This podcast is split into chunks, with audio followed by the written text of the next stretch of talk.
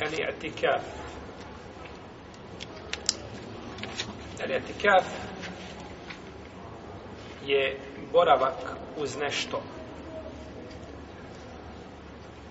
Pa ovdje biva u jezičkom znači, značenju privrženost nečemu.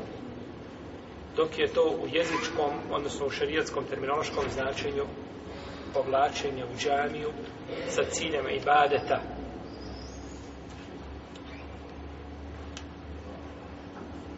pa je etikaf pohvalan u Ramazanu radi hadisa Ebu Horeyre radi Allahu Talanhu u kome kaže da je poslanik sa osvrame bio u etikafu u svakom Ramazanu zadnjih deset dana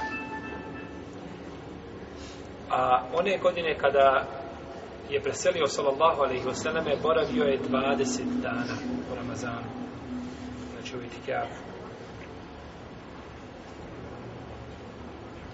I najbolje vrijeme, ovo bilježe Buhari i Muslimi. Također je došlo kod Buhari i kod Muslima da je najbolje vrijeme, eh, odnosno eh, potvrđuju eh, verzija eh, koju bilježe Buhari i Muslimi od Ajša radijallahu ta'ala da je najbolje vrijeme eh, za etikaf, eh, zadnje vrijeme, znači ili zadnja trećina Ramazana, koja je trećina čega? Prva je trećina, trećina ne. rahmeta. Druga trećina, oprosta i treća, slođenje vatre. Tako došao od Isu, koga bilježi Ibn Huzeime, koji je daji, taj hadis nije ispravan. Ali možda može imati ispravno značenje. No, međutim, sa stanovišta hadijske nauke, hadis je neispravan. A, kaže Aisha radijallahu ta'ala anha, da je poslanik sa osaneme boravio tikjafu zadnjih deset dana u Ramazanu, sve do ga nije usmrtio uzvišeni Allah te barake o A ne bi poslanik sa osaneme činio osim ono što je štap. Najvrijednije, je li tako?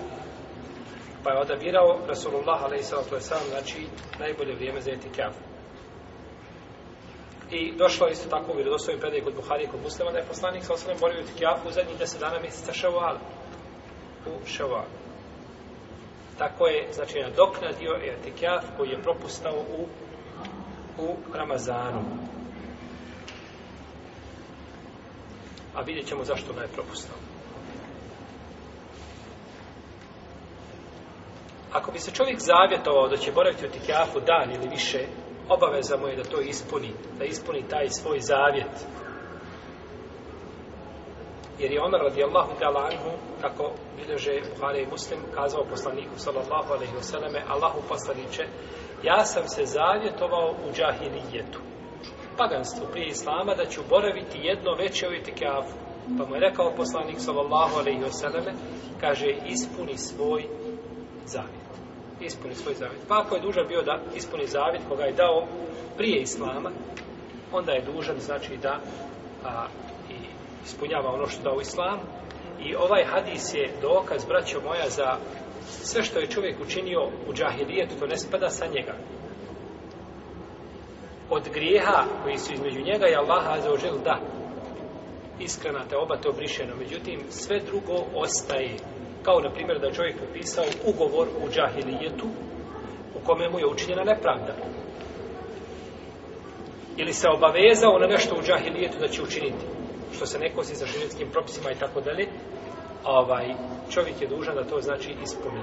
Dužan je to ispuni. I ne može kazati moj islam briše. Učinio sam nepravdu šefu u firmi dok sam radio kod njega sam bio u džahilijetu, krao sam ga, nisam radio, zabušavao na radnom mjestu, uskraćivao mu njegovo pravo i kažeš ja sam primio islam i to je očišćeno. To nije očišćeno. Očišćeno je ono što je između tebe i stvoritelja za ovo Ako si ostavio namaz, ako si, ne znam, konzumirao alkohol. Ono što je između tebe i stvoritelja zaužen, to je očišćeno. Međutim, hak sa društvom nije očišćen. To se mora podmirivati. To se mora podmirivati.